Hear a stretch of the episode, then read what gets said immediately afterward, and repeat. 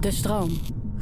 Mijn gast vandaag is Dirk Dane van de Harde Leerschool. Een imposant figuur. Rugbyspeler voor het Nederlands team, in het buitenland gespeeld. En die Harde Leerschool is echt een heel mooi project waarbij die mensen met een afstand tot de arbeidsmarkt in tien weken klaarstoomt voor een echte rugbywedstrijd.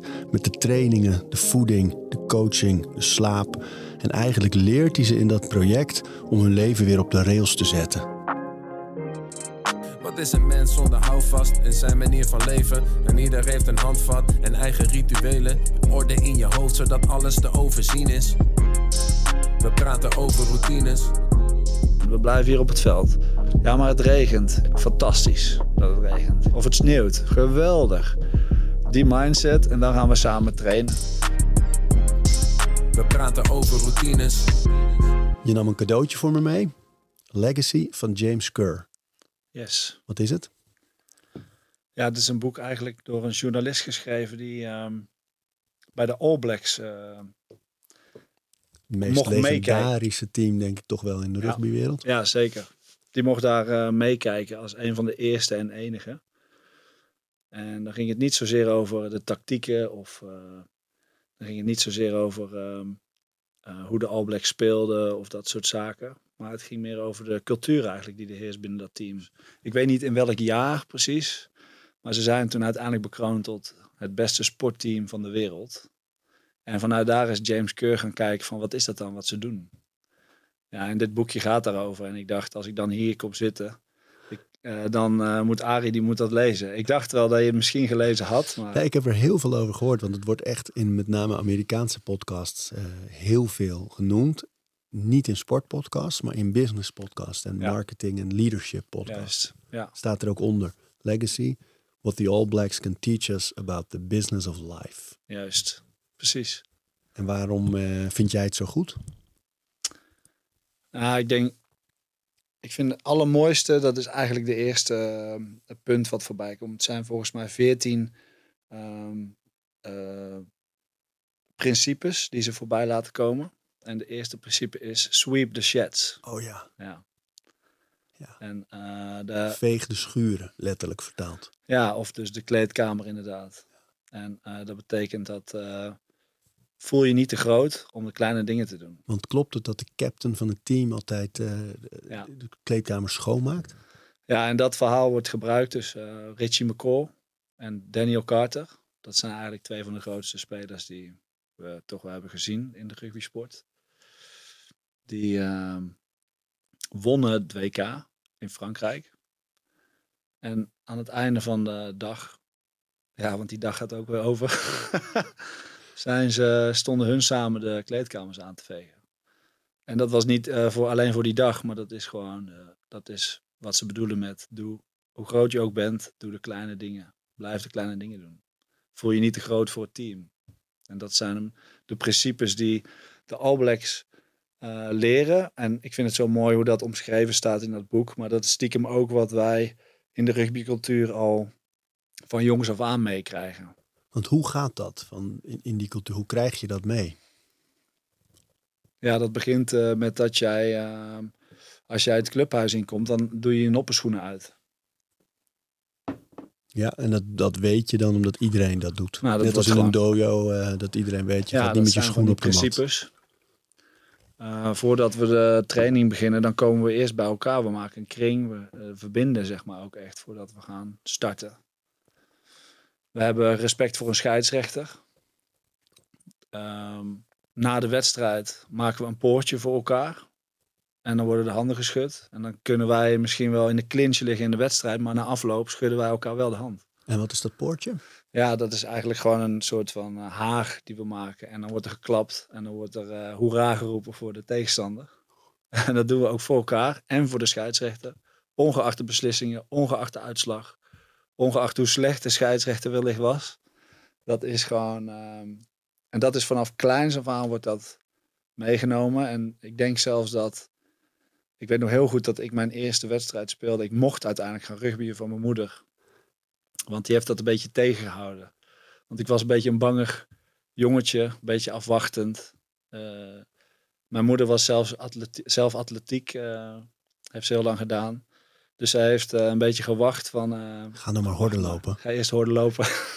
Verspringen. ja, nou hardlopen dat ging me wel goed af. En dan, maar mijn passie lag diep van binnen wel bij het rugby. Mijn vader die, die was rugbier. Dus ik stond als klein mannetje te kijken naar die mannen die eh, met schaafplekken van het veld kwamen. Kun je de romantiek daar nog, die je als kind zag, kun je die nog terughalen? Ja, ja ik weet. Ik, er is één beeld dat mijn vader van het veld afkwam en dat hij inderdaad onder het bloed zat.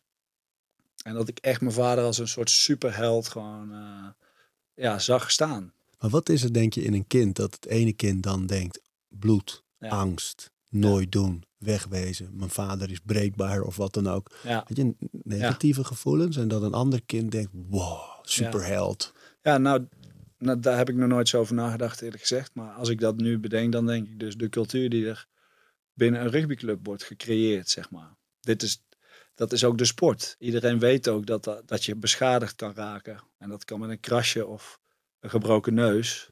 Toch is het niet meer dan bij andere sporten. Hè? Gewoon als je puur kijkt van eh, statistieken.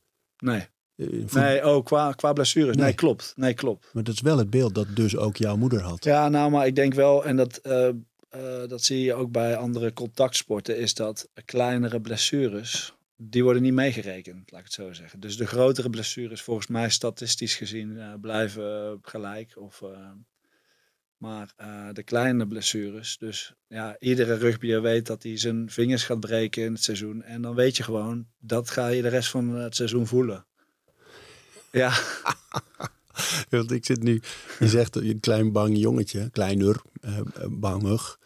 Ehm, en dan zie je nu, nu, je zit echt een buffel van een mens met, met quads, van als regentonnen. Je bent gevuld, je ziet, je, je neus staat een heel klein beetje scheef. scheef. Ik neem aan dat er overal tekenen zitten van Ja. die sport. Maar Ja. je weet dus, je, je gaat je vingers breken. Wat zijn andere dingen die sowieso vaak voorkomen? Nou, neus. Ja. Neus. Maar ook schouderblessures bijvoorbeeld. Eh, ja, ACL. Eh, verschillende graden heb je dan natuurlijk, hè. Ehm, ja, ja, polsen, handen. Dus dat is altijd tapen. Iedere week. Want het is week in, week uit. Dat maakt het ook zo bijzonder met elkaar. Dat, dat is ook zo mooi. Wat, je hebt elkaar echt nodig met elkaar, zeg maar. Maar die blessures, ja. Voeten, ja, iedere training stamt er wel weer een of andere gek op je voeten. Dat is heel irritant. Daar ontstaat, ook, daar ontstaat al ruzie over van de onhandigheid, weet je wel, binnen het team.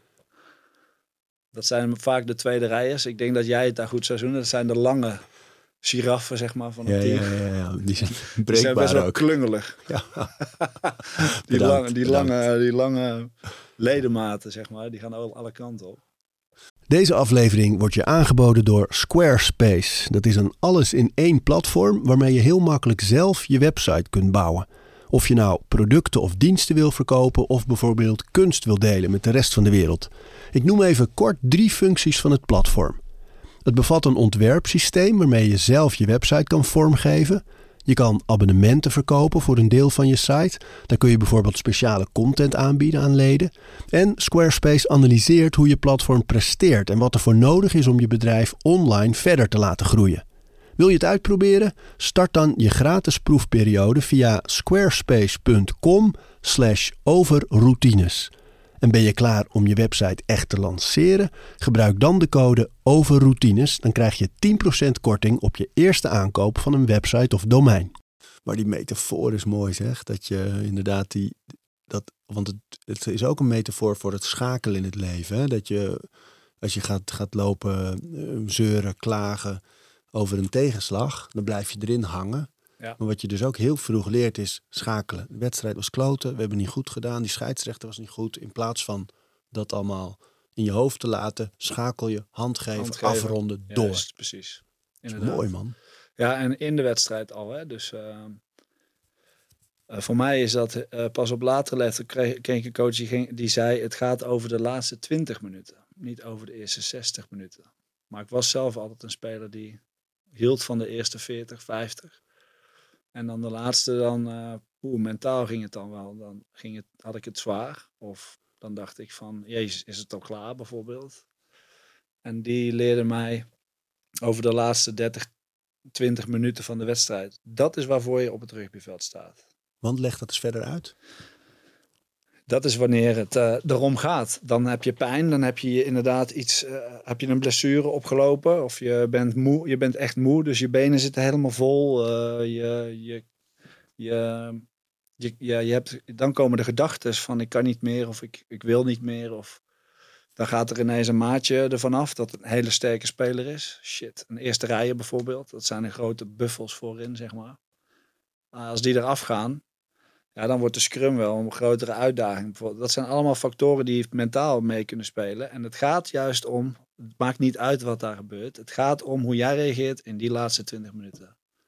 Ongeacht de, uit, of ongeacht de score, ongeacht ehm, wat er dan ook gebeurt. Of dat jij een slechte uh, hebt gegeven of een kick. Nou was ik niet van het kicken. Maar als ik zou kicken, dan dan lachten mensen me uit. Dat was niet mijn taak. Maar als ik een tackle mis, dan moet ja, ik moet doorgaan. Dus dat is echt wel een stukje veerkracht, zeg maar. Die, die wordt van jongs af aan daarin. Uh, ja, je wordt, daar, je wordt daarin opgeleid eigenlijk op die manier. En die dingen, hè, al die inzichten en metaforen eigenlijk voor de rest van het leven, die zie je nu heel erg. Die komen dan in zo'n boek terug van James Kerr, die, bij jou. Je hebt in Engeland ook die School of the Hard Knocks. Jij hebt daar ook echt een programma van gemaakt. Hè? Ja. Hoe werkte dat? Had jij, terwijl je nog actief was, Nederlands team enzovoort, buitenland gespeeld, um, had je toen al het idee van hier ga ik iets mee doen ooit, ook als ik klaar ben zelf met spelen? Ik heb op een gegeven moment in Frankrijk heb ik een, uh, uh, ben ik gaan rugbyen bij uh, een aantal clubs. Eigenlijk een beetje als een soort zwerver jonge Nederlandse, Brabantse jongen heel erg verlegen eigenlijk. Dat ik dacht van, ik, ik hoor hier niet thuis, zeg maar. Daar ben ik gaan aankloppen bij clubs met mijn tasje. En dan zeiden ze, Nederlander, spelen die rugby, weet je wel. In het Frans, ik verstond er niks van. En dan ging ik daar een beetje mee trainen. En uh, daarnaast had ik een stageplek voor een, voor een organisatie en die deed project ervarend leren heette dat. En die deed kanotochten met jongeren uit uh, de omgeving Rotterdam. En dan ging je drie weken kanoën. En dan ging je daarna drie weken terug wandelen. Dus uh, de Dordogne af en dan terug wandelen. Mooi ook trouwens. Ja, super mooi. Heel mooi. Uh, echt een van de mooiste, misschien wel leerzaamste momenten van mijn leven ook geweest. Omdat je helemaal terug gaat naar de basis eigenlijk. Want ja, licht eens toe van hoe, uh, wat ervaarde je? Ja, je hebt je spulletjes, je hebt je tonnetje, je hebt uh, je havermoutje in de ochtend, je hebt je rijst en dat is het, want dat, daar moet je mee doen. En die, die kids die kregen dan ook 23 suikerklontjes, heel specifiek. En dan moesten ze dan mee doen. Dus dat was heel erg afwegen van uh, hoe gaan we dat indelen. En in het begin was er heel veel weerstand. En aan het einde zag je die kinderen, zag je helemaal, en ik zelf ook trouwens, ik, je zag, je werd sterker. Je was, was iedere dag buiten in je kano stappen, drie uur kanoën, pauze, tukkie doen, wakker worden, happy maken, weer door. En dan uiteindelijk zoeken naar een plek waar we konden uh, verblijven, tentje opzetten, dag in dag uit. Briljant, geweldig.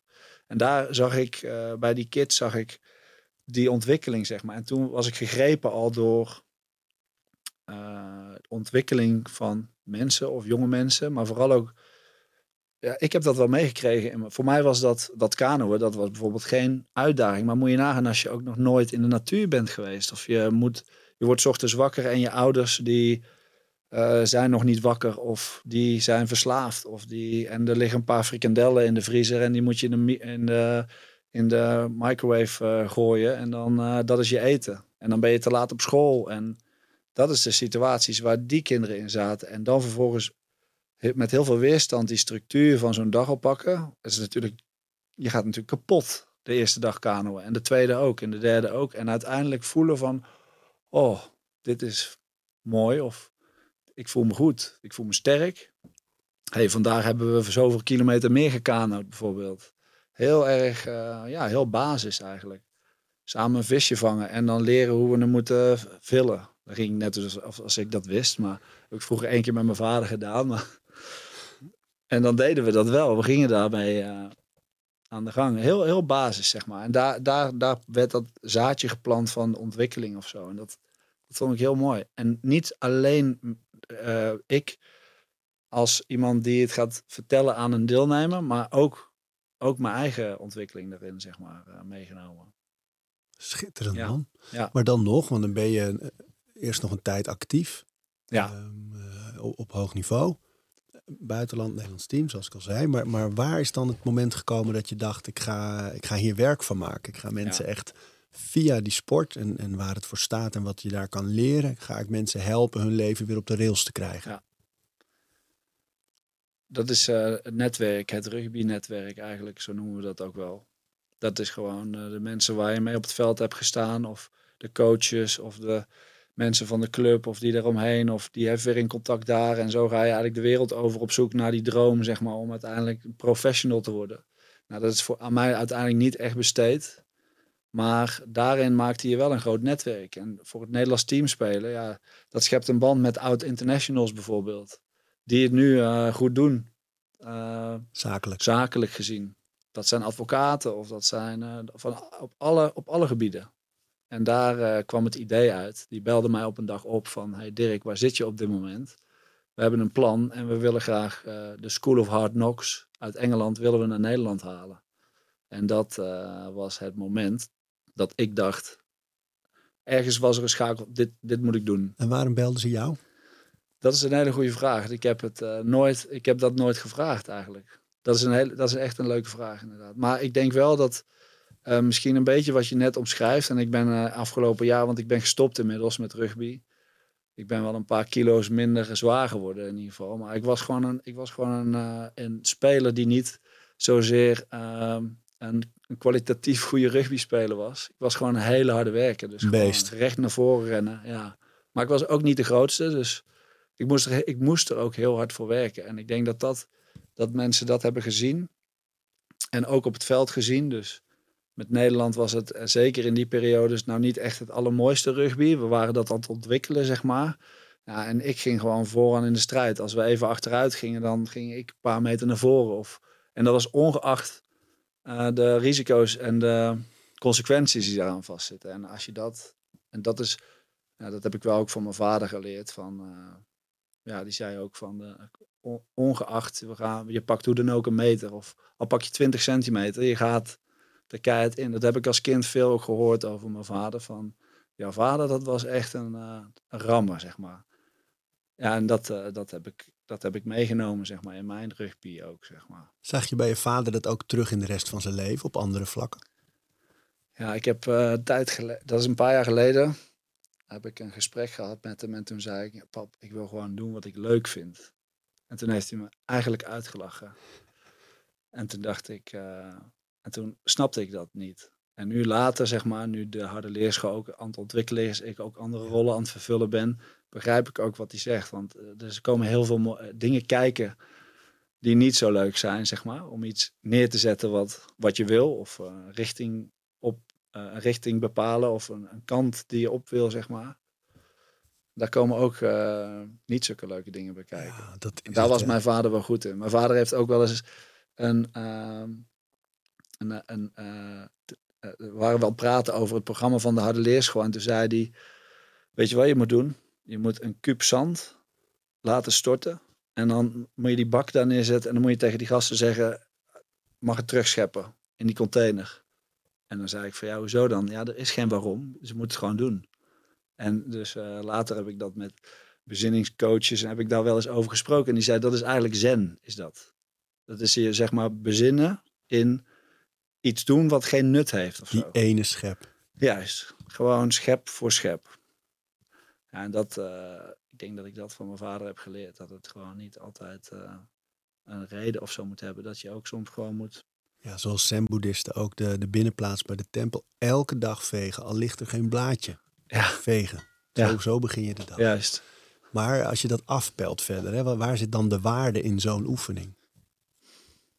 Ja, dat is een, eh, dat is een goede vraag. Want eh, het, je moet het ook op de juiste manier brengen. Van waarom doen we iets eigenlijk? Dat eh, ook in het ontwikkelen van het programma van de harde leerschool, de Nederlandse versie, laat ik het zo zeggen. Jouw versie? Mijn versie. Nou, niet alleen mijn versie, hè, want ik doe dat samen met heel veel kundige coaches en mensen om me heen die daar veel meer verstand van hebben dan dat ik dat heb. Ja, over dat team straks ook meer Ja. hoor. Maar eerst inderdaad, wat, ja, hoe, hoe leg je dat uit? Dan, dan sta je met een groep mensen die hun leven een beetje eh, uit handen hebben laten vallen. Eh, Of soms is het Ja. misschien door externe factoren, maar in ieder geval Ja. verslaafden, daklozen, eh, mensen met depressies. Ja. Er zijn dingen gebeurd in dat leven waardoor het niet meer lekker op de rails loopt. Zo'n groep, die opdracht en dan. Dat, dat is de grootste uitdaging eigenlijk. Dus dat is eigenlijk het, het wervingsproces, dus het selectieproces. Selectie klinkt alsof we gaan selecteren. Iedereen is welkom, zeg maar. Maar wel volgens, volgens onze normen en waarden. En dat klinkt ook gelijk heel hard. En dat is het absoluut niet. Het is juist in gesprek gaan met iemand. Met iemand die helemaal geen richting heeft in zijn leven. En dat kunnen wij bieden. En hoe mooi is het als je dat met een groep kan doen. Dus je bent niet alleen. En hoe mooi is het als je daarin ehm, een doel hebt. En dan ook nog wel een doel wat, eh, wat we in Nederland niet kennen. Dus iedereen start op nul. En dat betekent dus, we gaan samen een rugbywedstrijd spelen, jongens, over tien weken. En eh, je bent dik, je bent dun, je bent ongezond, je hebt verslaving, je hebt eh, tien jaar of dertien jaar in de bak gezeten. Het maakt allemaal niet uit. Je hebt bij het legioen gezeten in Frankrijk. Je hebt Het Vreemdelingenlegioen. ja, je hebt echt, we hebben alles gezien. En dat maakt niet uit. Daar kijken we niet naar. Je mag je verhaal vertellen als je dat wil. Daar is ruimte voor. Maar we gaan samen die wedstrijd spelen. Dus dat is eigenlijk het idee achter het programma, de Harde Leerschool. Ze melden zich aan. Ehm, en het enige is, we beginnen vandaag en over tien weken spelen we samen een echte rugbywedstrijd. En daar bouwen we naartoe. Ja. Daar gaan we het nu denk ik over hebben. Even kijken hoe, hoe die, die hele periode eruit ziet. Welke rituelen en routines en waarom. Juist. Ehm, maar, hoe komen ze bij je terecht? Ja, dat gaat via gemeente. ehm, via, ja, dat, veel, veel al gemeenten. En daar gaan we nu steeds meer heen, zeg maar. In het begin in Rotterdam was het particulier gefinancierd. Toen zeiden we van nou, we hebben zo'n programma en dan verspreid je dat verhaal. En dan wordt er eigenlijk de week voordat we zouden starten, hadden we nog nul deelnemers. En er stond een tv-ploeg klaar en er stond van alles eh, geregeld. En eh, goed, ik heb daar eh, toen niet zo'n grote rol in gespeeld. Maar er zijn een aantal mensen die daar heel hard aan moeten trekken van hoe kan dat nou? Eh, we hebben zoiets moois klaarstaan. Want dat is ook wel weer een mooie les in de zin van, ja, je kunt inderdaad een mooie gedachte hebben of een mooie richting. Maar past dat eigenlijk wel binnen de Nederlandse cultuur? Of is er wel behoefte aan? Maar het gaat vooral over, we gaan best wel iets pittigs doen. Dus hoe ga je dat verhaal verkopen aan iemand? Ja, en eh, uiteindelijk, de gemeente is daarin de oplossing. De, die hebben vaak, en dat noemen ze de kaartenbakken, mensen vanuit de participatiewet, zeg maar. En eh, dat zijn mensen met een uitkering, die staan ergens gedocumenteerd. En dat zijn er in eh, afgelopen jaar volgens mij in Den Haag 24.000 volgens mij. Zo. Mensen die eh, afstand hebben tot de arbeidsmarkt. Nou, zoeken naar deze mensen en dus uiteindelijk 20 bij ons krijgen om te kunnen starten is een grote uitdaging. En, maar de gemeente is daar de sleutel in. Dus het is ook echt een samenwerking met dat soort partijen. En dat is ook, wij verwachten ook, het is niet zo dat wij zeggen, hey jongens, we hebben het programma, meld maar aan. Nee, we moeten echt de hort op. En er zijn ook gemeenten die zeggen, wij zijn niet in staat om te werven. Dat is, dan zou in eerste instantie je oren gaan klappen. Hoe kan dat? Maar dat komt omdat het een hele moeilijk bereikbare doelgroep is. Dus hoe gaan we daarbij komen? En dan uiteindelijk eh, zijn er dus ook gemeenten die zeggen, Dirk, eh, ik heb geen idee. En ja, dan pakken we een busje en dan gaan we gewoon rondrijden. Ja? Ja, nou, ik heb dat gedaan. Ook uit wanhoop, want ik denk, shit, eh, we krijgen die groepen niet vol, weet je wel. Dus En dan? ja, dan ga ik gewoon rijden. Dus Leger des Hels. Er zijn heel veel hele mooie organisaties die al heel erg veel goed werk doen. Maar niemand biedt echt een intensief... Er zijn er maar weinig, zal ik het even hè, netjes houden. Er zijn er maar weinig die een intensief traject bieden. Waarin er gekeken wordt niet naar... Hey, ik heb hier werk en we gaan je voorbereiden om te kunnen administratie te kunnen doen. Dat is veel te ver, grote stap, veel te groot. De banen die liggen er wel. Dat komt, dat komt goed uiteindelijk. Het gaat om de basis, zeg maar. Dus een intensief programma die gaat over die basis. En eh, dat is er in Nederland eh, weinig te vinden volgens mij. En dan die tien weken van ehm, trainen ze elke dag, een paar keer per week. Wat is, de, Ja, wat is het programma? Drie dagen in de week. Zo. Dus tien weken, drie dagen in de week. Ehm, daarvoor zit een wervingsperiode, dus een vijfweeks traject waarin we dus die deelnemer gaan vinden, nodigen ze uit en doen we eigenlijk een soort van zachte inloop. Maar daar hebben we wel al de structuur van het programma staan. En, en een van de belangrijke punten is dus op tijd komen.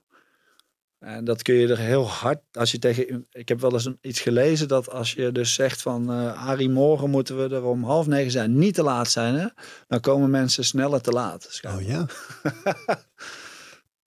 en die, uh, dus als we dat heel hard gaan zeggen van je mag niet te laat komen, nee, dacht, nee we laten dat ook een beetje gebeuren. En, want dat is natuurlijk een van de problemen. Vaak slapen ze pas na drie uur en dan uh, op tijd komen is een probleem. En uh, wij we gaan, we geven ze wel een duidelijke tijd. En dat betekent dus, uh, en om half negen zijn we aanwezig. En om negen uur gaan we samen ontbijten. En dat betekent dat je een half uurtje hebt even te landen, even te kijken, even de tafel te dekken. En die eerste week is heel interessant om te kijken wie dat gaat oppakken. En daar begeleiden we natuurlijk in. Alleen het is wel leuk om te zien of iemand, hey, de tafel moet gedekt worden en iemand blijft staan. Ja, dat is wel een mooi, alle mooi coachingsmoment. Maar dat is dus wat ik bedoel met de absolute basis. Ik bedoel, dat zijn hele basale dingen. Die je als ouder uh, wellicht wel met kinderen ook al doet. Maar er zijn heel veel mensen die dat nooit hebben meegekregen. En wat gaat er gebeuren door dat te doen en samen te ontbijten? Een moment stilte samen. Ik had daar in het begin best wel moeite mee. De petjes moesten ook af. Ik, samen met Ed Oskam, die 40 jaar voor de commando's heeft Uh, die, uh, daar draaide ik de eerste paar projecten mee. En ik heb heel veel van die man geleerd. Maar die zei bijvoorbeeld petten af. Ja, dan dacht ik, shit. Dan zei ik Ed van, dat is niet echt de manier, denk ik. We moeten hoe gaan we dat doen? Alleen, ik snap nu waar, wat de reden was. Althans, waar, als je de waarom uitlegt, waarom zetten we petten af? Zodat we elkaar bijvoorbeeld kunnen aankijken. Dat we niet weggedoken zitten. En dan hebben we een open setting waarin we samen dus gaan eten, wat een heel mooi moment kan zijn. Ja, dat kun je ook weer heel zweverig maken. En we proberen eigenlijk een beetje in het midden te blijven. Want het lijkt op bidden, bedoel je ook? Dat, dat, kan. Dat, maar dat zeggen we ook waarom doen we dat? Er zijn misschien mensen hier aanwezig die religieus zijn, die iets willen, uh, die even willen bidden. Maar het kan ook dat er een moment van bezinning kan zijn. Dus even. En aan het einde van het programma gaat het veel meer over uh, waar ben je dankbaar voor of zo. Dat uh, bij verschillende projecten, um, en dat bedoel ik ook met verschillende coaches, zien we ook ontwikkelingen erin wat heel erg mooi is, zeg maar. Kijk, eten voor mij was altijd gewoon heel mechanisch. Ik moet gewoon eten en het maakt niet uit wat het is, ik eet gewoon. Maar we maken daar dus een mooi moment van. En wat gaat er dan gebeuren is een plek van veiligheid. Dus we creëren een veilige omgeving. En dat is best wel uitdagend met deze doelgroep. Dus dat is ook niet overal dan altijd perfect, zeg maar. Alleen uh, dit is een heel belangrijk onderdeel van het programma. En dat ritueel creëert ook uh, structuur. Hè? Van dat ze gewoon weten, dit is altijd. Dan kom Juist. je daar om half negen, om negen uur gaan we. Dan, wij moeten de tafel dekken, er is altijd stilte, dan gaan we eten. Juist. Ja, en dat klinkt dus heel militaristisch of heel erg alleen. Uh, en dat op de juiste manier gebracht, gaat dat zorgen voor veiligheid. En de ongemakkelijkheid, die wordt ook bijvoorbeeld besproken. Want waar zit die in? Ja, je, gaat, je hebt echt veel jongen, je hebt, deel, je hebt jongens en meiden die gaan zuchten of die, jeetje, of uh, als er dan dankbaarheid wordt gezegd voor, uh, wat is dit, uh, weet je, dus er is heel veel weerstand. En waarom? Ja, dat, dat ligt vaak bij, bij onszelf natuurlijk, die weerstand. En die heb je zelf wellicht ook ervaren, ik ook, op bepaalde vlakken. Als er iets moet. Ja. Als er iets moet, of inderdaad. En we proberen dat eigenlijk te draaien natuurlijk naar willen. Hè die is wel bekend, zit ook in de lessen verwerkt van. Dat zijn allemaal van die openbaringen, zeg maar. Van jij, jij hoeft hier niet te zijn. Dus dat gesprek is al interessant. En dat eten, um, is, is daar ook over nagedacht wat ze eten? Ja, we hebben een. Uh, in eerste instantie komt dat. Mijn gezond, uh, gezonde voedingslessen, die gaf ik dan zelf. Maar we hebben inmiddels ook coaches omheen die daar uh, meer van weten. En ja, een belangrijk onderdeel is bijvoorbeeld vezels. En dat wordt ook een. Um, dus we houden dat ook heel basis. Dus uh, eh, we kunnen wel het hebben over. Ze willen ook vaak, sommigen willen dan weten van hey, proteïne shakes en wat gaan we daarin doen en eh, welke supplementen zal ik gaan nemen. Ik, nou, begin maar eens met 2,5 liter water per dag te drinken en 30 gram vezels binnen te krijgen, bijvoorbeeld. En ja, dan na die les ontstaat er ook een soort van ja, cultuur van. Ja, dan wordt er toch even gekeken hoeveel vezels er in het brood zitten. Dus we zorgen voor vezelrijk brood. Uh, ik heb nu de laatste keer had ik echt roggebrood ook neergezet. Dat is wel grappig, want dat, dat, dat vinden ze natuurlijk niet, niet te vreten. En dan zeg ik ook, ja, ik ook niet. Ik vind dat ook niet lekker. maar daar gaat het niet om. Het gaat om de aantal vezels die ze binnenkrijgen. Dus er ontstaat een cultuur waarin daar bewuster naar gekeken wordt, zeg maar. En daar gaat het volgens mij om. Geef je ze dan mee, eh, want inderdaad bij vezels wordt al snel een graanproduct, terwijl het ook heel veel in groenten zit. Klopt. Zo, maar wordt dat dan ook ja, ja, ja. uitgelegd van waar vezels allemaal in Juist, zitten? Ja. Mooi man. Ja, dus er is uh, in het begin, dat is vooral in het begin, dan hangen we het vooral aan het fysieke op, zeg maar. Oké, we gaan gezonder worden met z'n allen. Dat wil eigenlijk iedereen. Dus als ze doelen moeten stellen de eerste weken, dan, dan uh, is dat vaak eentje die heel erg duidelijk is. Ik wil gezonder zijn oké, wat, wat betekent dat? Dan gaan we afpellen. Ehm, en dan uiteindelijk, nou oké, ik wil misschien concreet wil ik uh, eh, 60 kilo kunnen squatten. Ja, heel, heel, heel mooi doel. Oké, en hoe gaan we daar dan heen werken? Dus fysiek is het allermooiste doel wat er eigenlijk kan zijn. In mijn ogen. Ja, en dan bedoel je fysiek met wat je kan in plaats van hoe het eruit ziet bijvoorbeeld. Ja, nou, ja, dat is ook interessant. Ik wil, ik wil uh, dat is, eh, maar ik vind dat dus een heel mooi kapstok. Ik wil groot en sterk. Ik wil gespierd zijn, zeg maar. Ja, dat is heel mooi dat je dat wil. Maar weet je wat er voor nodig is? En da dat zijn super interessante gesprekken. Ja, want daar wordt het ook zo, gaat het over de tijd. Hè? Dat met name jonge mensen. Um, dit is zo de tijd van het eindstation en de quick fix en de, de, de bochten afsnijden. Om daar maar zo snel mogelijk te komen. En zelden de bereidheid om het leven te leven dat nodig is om sterk te zijn en te blijven. Ja, en hoe mooi is het om sterk te zijn bijvoorbeeld. Maar dat gesprek, dus uh, uh, ik kan heel gevulde spieren hebben en er uh, sterk uitzien, maar ben je ook sterk? Wat is het verschil?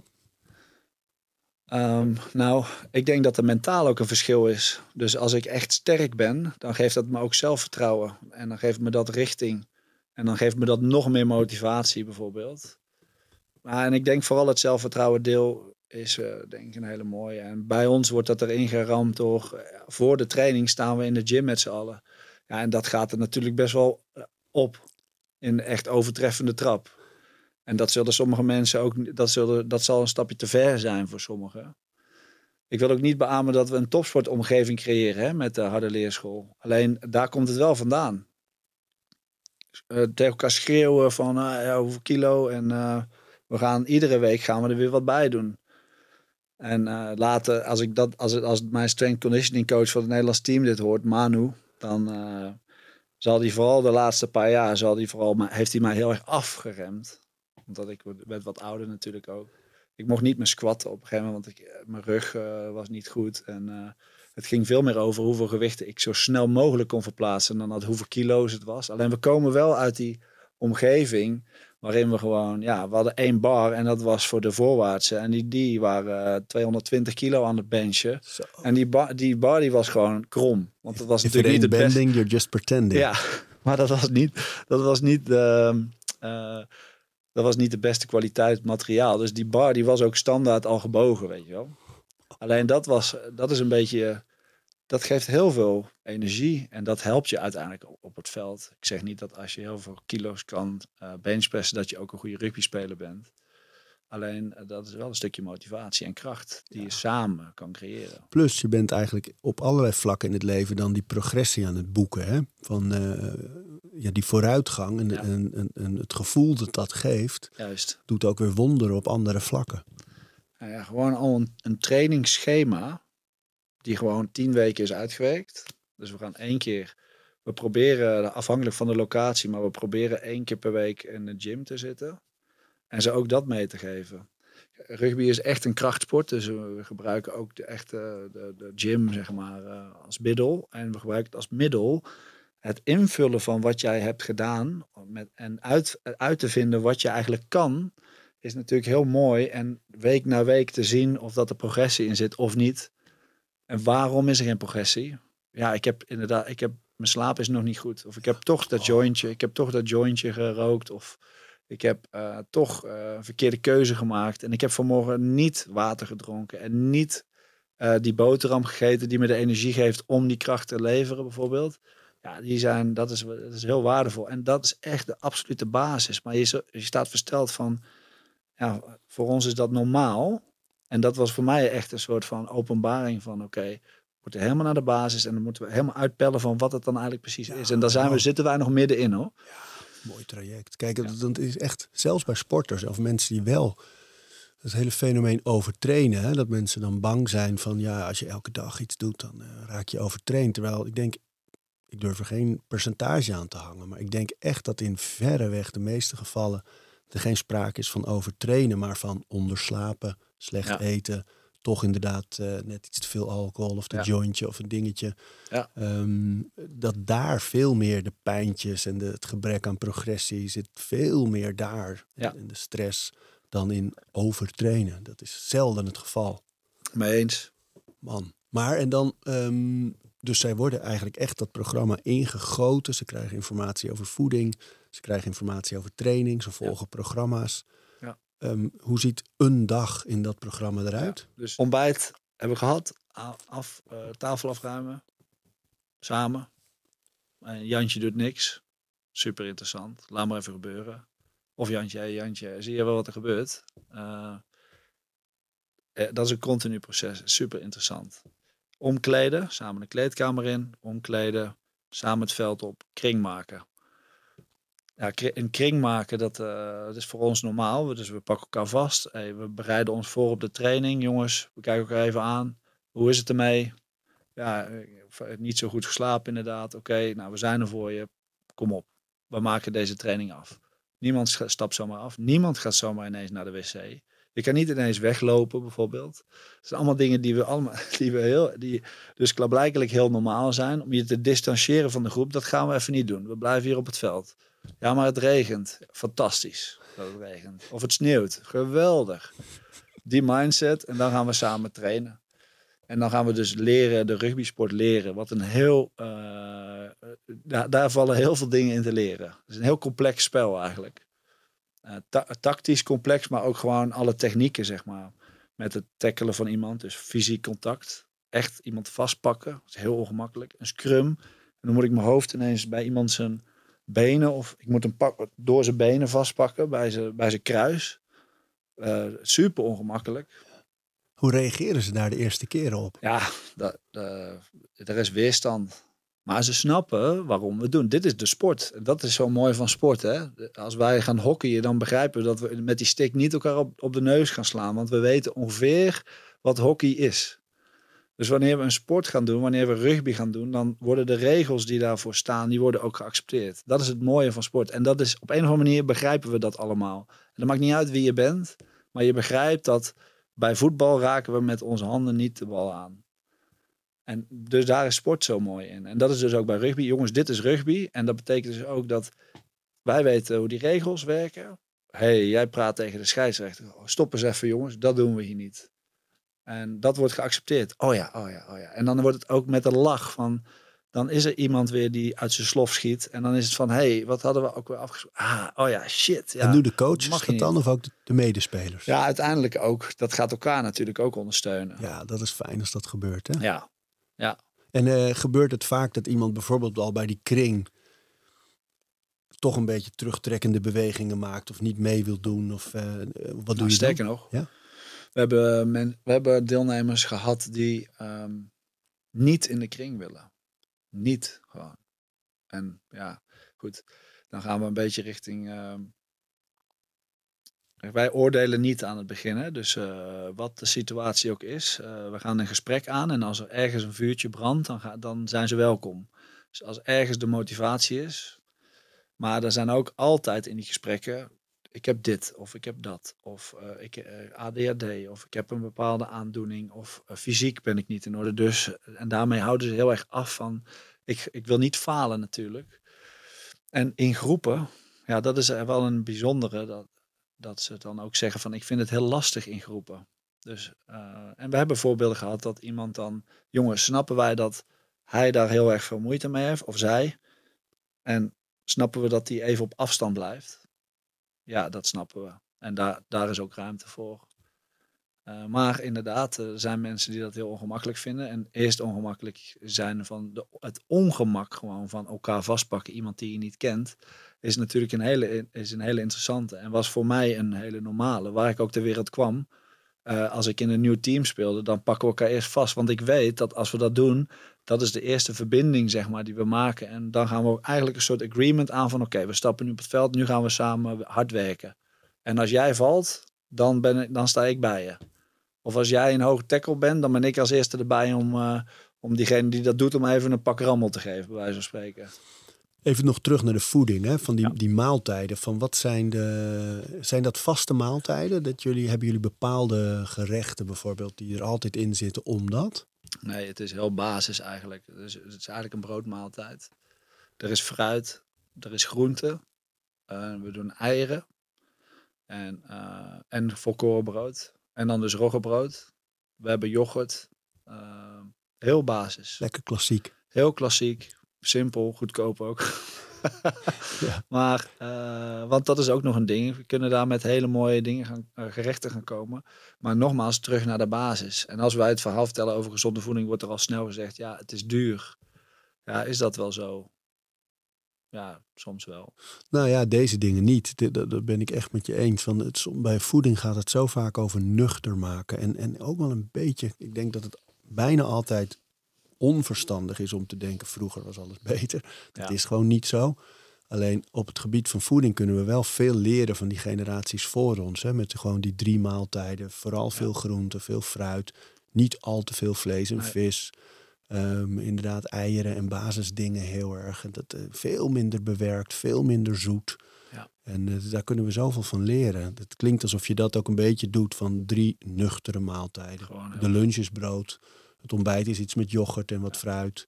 En ja. misschien wat vezels erin nog. En dan s'avonds uh, groente en een stukje vlees of vis. Of, ja. Dat is gewoon wat je doet kom een verhaal in naar boven van een jongen die in Roosendaal een programma meedraaide. En die uh, had het gezonde voedingsverhaal gehoord. En die belde daarna op en die zei: Ik heb nu van mijn vader 5 euro gekregen. Normaal gesproken ging ik nu naar de dunne zaak. Wat moet ik doen? Toen zei ik: Nou ja, ga. Wat is nou, wat, hoe kun je die wat gezonder maken, zeg maar? Ja, ik kan wel. En dat vooral terugvragen, weet je wel. Wat, wat denk je zelf eigenlijk? Want het is heel makkelijk om het op te leggen, maar dan gaat het natuurlijk niet beklijven. Dus vraag in de zin van, wat denk je zelf? Wat zei hij toen? Nou, ik, ik zei, of uh, hij zei, um, uh, ik denk dus inderdaad groente. En dan dus uh, iets van proteïne. Oké. Okay.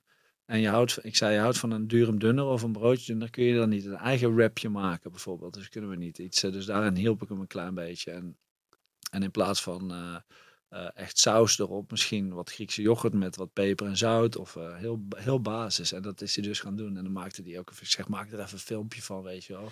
Ja, dan stond hij daar in de supermarkt dat halen. En ja, was super gaaf. Dat, geeft, dat is ook waarom je dat werk doet natuurlijk. En al zo één zo'n moment, ja, dat, is, dat is echt bewustwording. Als een jongen van 20.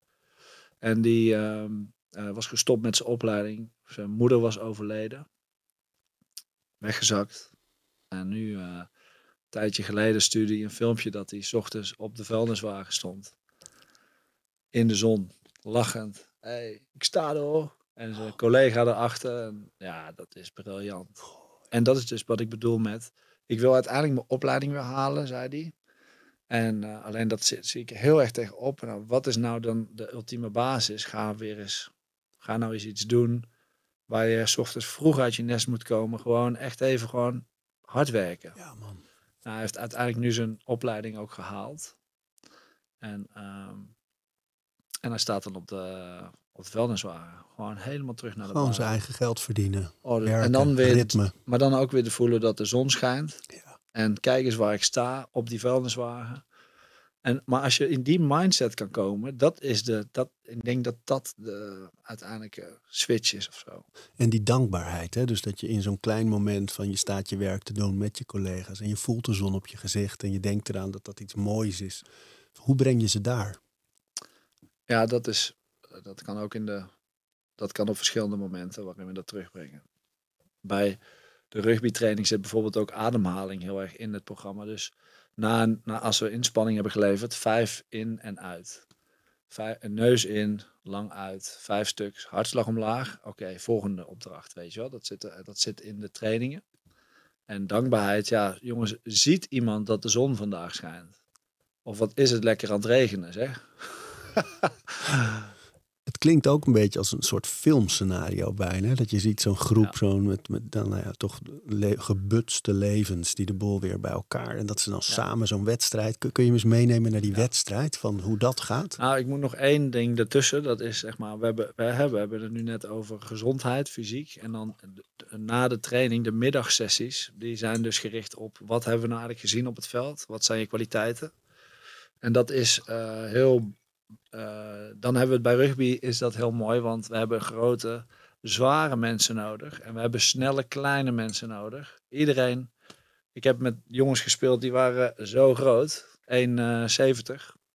En dat waren de snelste jongens en echt pitbulls gewoon. En die scoorden.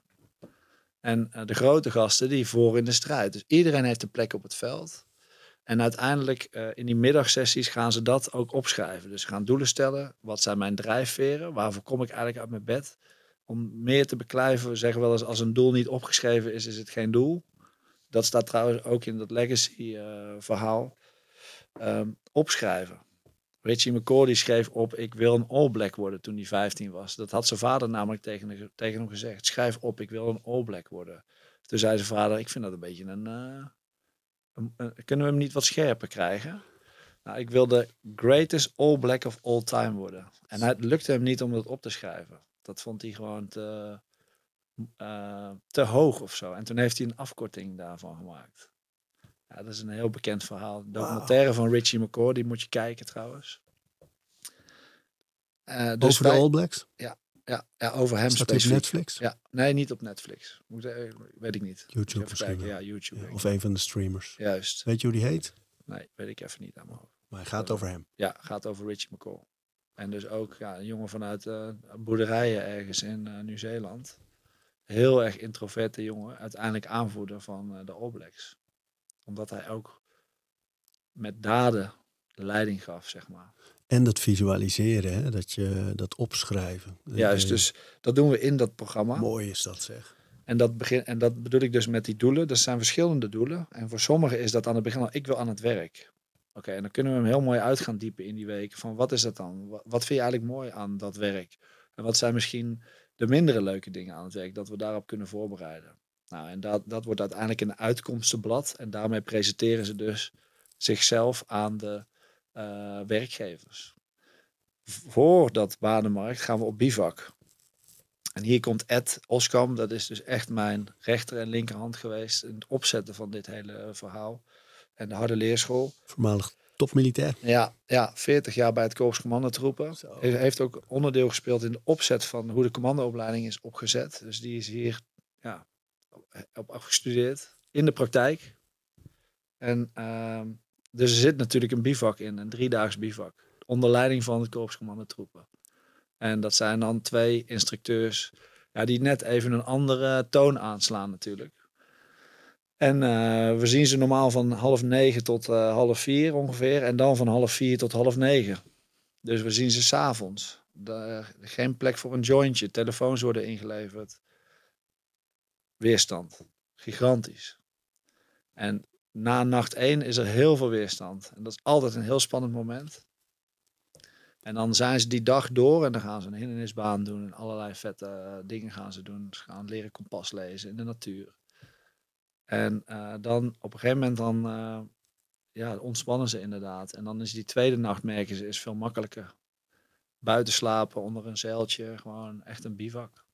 Niemand gaat tegen ze schreeuwen, niemand gaat, het is geen, het is geen commandoopleiding, absoluut niet. Maar wel uit je comfortzone, uit je systeem. Oké, okay, en dan dus de natuur in. Ja, en daar zien we dus hele mooie dingen. En daar kunnen we makkelijk op voortborduren in, het, in de rest van het programma. Want wat zie je? Ja, dus je, je ziet inderdaad die weerstand die er al voorheen al was, zeg maar. Of uh, ja, kun jij jezelf, uh, kun jij persoonlijk leiderschap tonen, zeg maar. Dus inderdaad, ik ben hier op een plek waar ik eigenlijk waar onzeker is wat we gaan doen. Ik weet niet wat het programma is. En dat doen we dus heel bewust. Ik weet niet wat ik ga eten. Ik kan mijn telefoon er niet bij pakken. Wow, dan worden ze heel erg overrompeld door al die gevoelens en die ideeën. En oké, en hoe gaan we daar dan nu mee om? En wat was ook alweer je doel? Ja, ik wilde het wel behalen. Ik wilde wel uiteindelijk staan. Ja, en dan in de ochtend, ja, Dirk, ik wil naar huis. Ja, na de eerste ochtend. Oké, hoezo wil je naar huis dan? Ja, ik voel me niet op mijn plek. Nee, natuurlijk niet. Ja, dat heb je nog nooit gedaan. Ik bedoel, kijk, kijk nou eens. En dan is vanuit daar ze zelf in laten zien van hoe dapper ze eigenlijk zijn, hoe knap het is wat ze doen. Maar, en dat maar om één ding gaat. Aan de voorkant dacht je dat je het wilde en nu sta je er en dan wil je het niet meer. Dat is precies het waarom je er bent. Dat is precies waarom je. Dat is ook dat laatste 20 minuten in de wedstrijd. Dat is waarom je er bent. En misschien ook slecht voelt. het moment dat ze misschien in het leven soms uh, zijn teruggestapt in plaats van doorgezet. Ja, of gaan gebruiken of uh, allerlei richtingen op zijn gegaan. En er zitten trouwens ook mensen bij die gewoon heel succesvol zijn geweest. Hè? Wat ik al zei, uh, ex-marinier, vreemdelingenlegioen.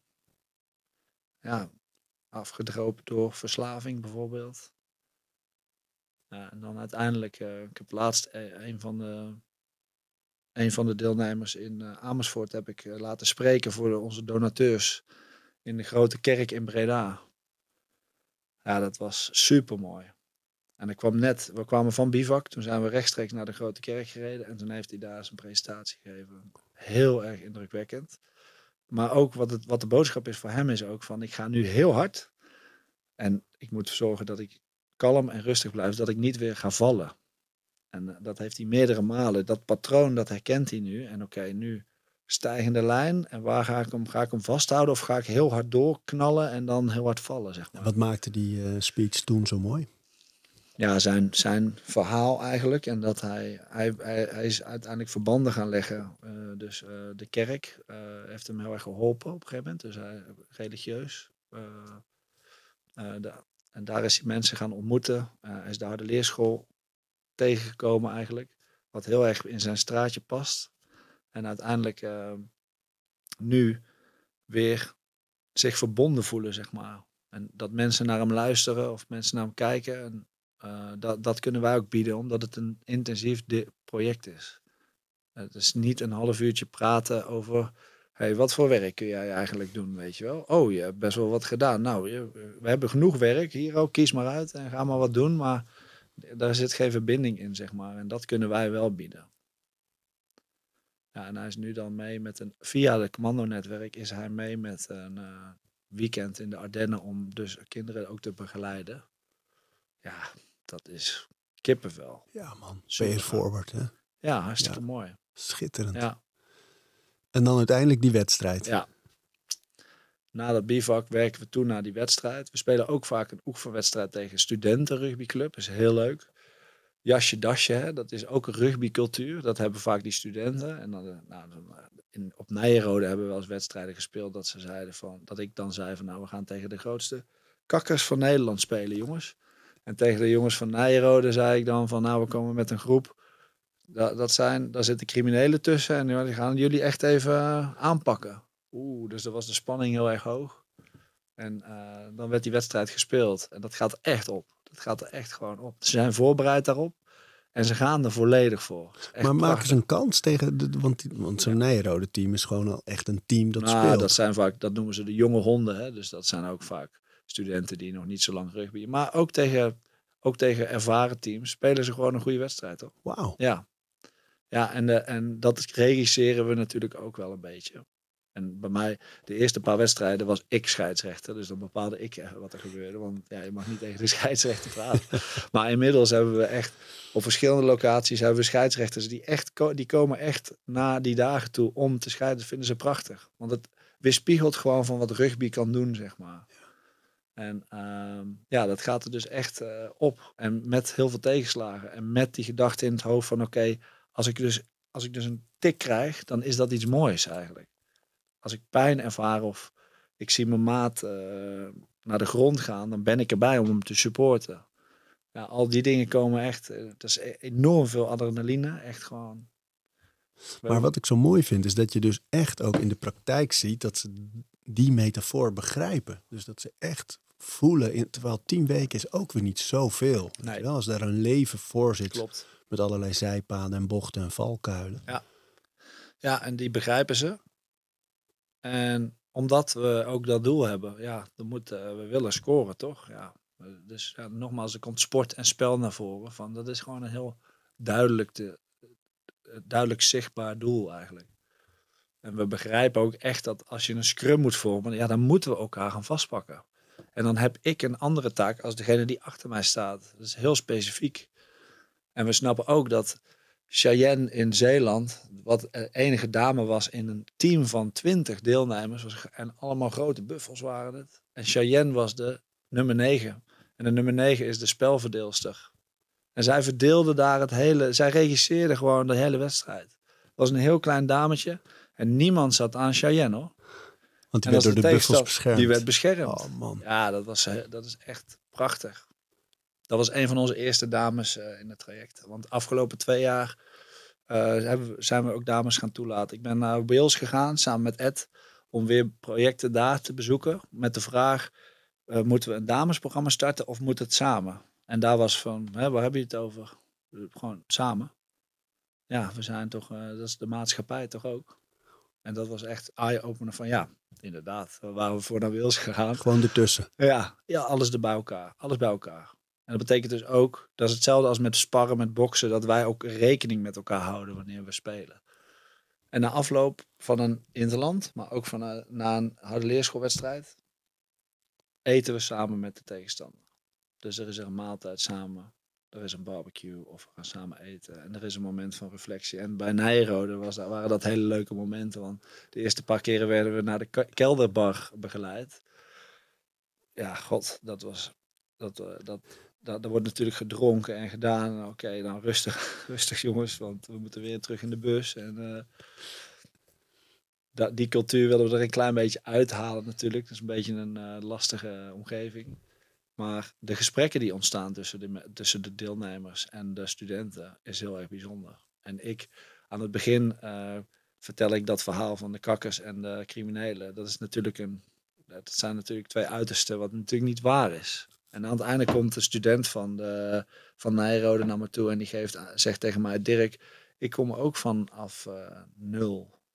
Ik zei, nou dat moet je nou eens even tegen die jongens vertellen. Dus uh, die wilde mij even wel even duidelijk maken van, hey, jij schetst, een bepaald, jij bent, ja. schetst een bepaald beeld wat niet waar is. Weet je wel, dat vind ik mooi. Dat, dat is leuk. Daar ontstaan ook die gesprekken en daarin komen ze erachter dat we allemaal niet zoveel van elkaar verschillen. En we wel ergens op, in een andere wereld leven, op een mooi kasteel in Nijrode. Maar hoe ben je er gekomen? En jij kan er ook komen. De mens zien achter de beeldvorming ook. Juist, ja. Schitterend man. Hey, stel dat mensen, bedrijven zeggen van nou ik wil met jullie in contact komen, want uh, ik zou graag mensen ook, ook banen bieden of, uh, of dat mensen dit horen. Uh, die zeggen ik wil meedoen of ik ken iemand die misschien mee wil doen. Waar ja. doen ze dat? Ze kunnen naar de website gaan. Daar vinden ze de contactinformaties en ze kunnen mij uh, benaderen. Uh? Nee, de harde leerschool. De harde leerschool. Juist, de harde leerschool. School voor het harde leven ja. is gewoon een letterlijke vertaling van School ja. of the Hard Knocks. Ja, precies. ja. Einde gesprek, hè? nee. De harde leerschool.nl. Ga daarheen en dan vind je alle informatie en dan kun je met ons in contact komen. Ja, en we zijn dus op zoek naar deelnemers, werkgevers, donateurs. Um, en uiteindelijk uh, ja, maken we samen, zeg maar, met al die mensen die daarbij betrokken zijn, maken we gewoon ontzettend mooie verhalen. En uh, creëren we gewoon nieuwe kansen voor mensen in het leven. En dat doen we niet door zomaar te gaan zitten lullen. Maar dat doen we gewoon door echt iets bijzonders te doen samen. Echt in actie te komen. Schitterend man. Ja. Keep it up. Dankjewel. Dank dat je er was. Thanks man. We praten over routines. Dankjewel voor het luisteren. En voordat je weer doorgaat naar andere dingen, wil ik je nog even wijzen op Over Inspiratie. Dat is het mailtje dat ik elke donderdag rondstuur met drie tips. Dingen waar ik zelf veel aan gehad heb. Het kunnen producten zijn, artikelen die ik gevonden heb online, onderzoeken. Uh, Instagram-accounts, podcasts, boeken, van alles eigenlijk. En ik denk dat je daar zelf ook veel aan kunt hebben. Dus vind je het leuk om dat mailtje elke week te ontvangen? Dan kun je je opgeven op ariboomsma.nl onderaan de pagina. Dan krijg je voortaan elke donderdag in je mailbox over inspiratie.